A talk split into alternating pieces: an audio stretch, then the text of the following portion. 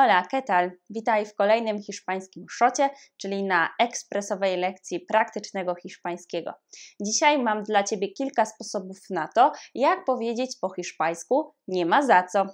Pierwszy zwrot, który być może już dobrze znasz, to de nada. Możemy także powiedzieć cała przyjemność po mojej stronie, czyli el placer es mío. Praktycznie to samo oznacza el gusto es mío. I ostatni sposób no hay czyli bardzo dosłownie nie ma za co. To tyle. Bardzo Ci dziękuję za oglądanie i mam prośbę, napisz w komentarzu, który z dzisiejszych zwrotów podobał Ci się najbardziej.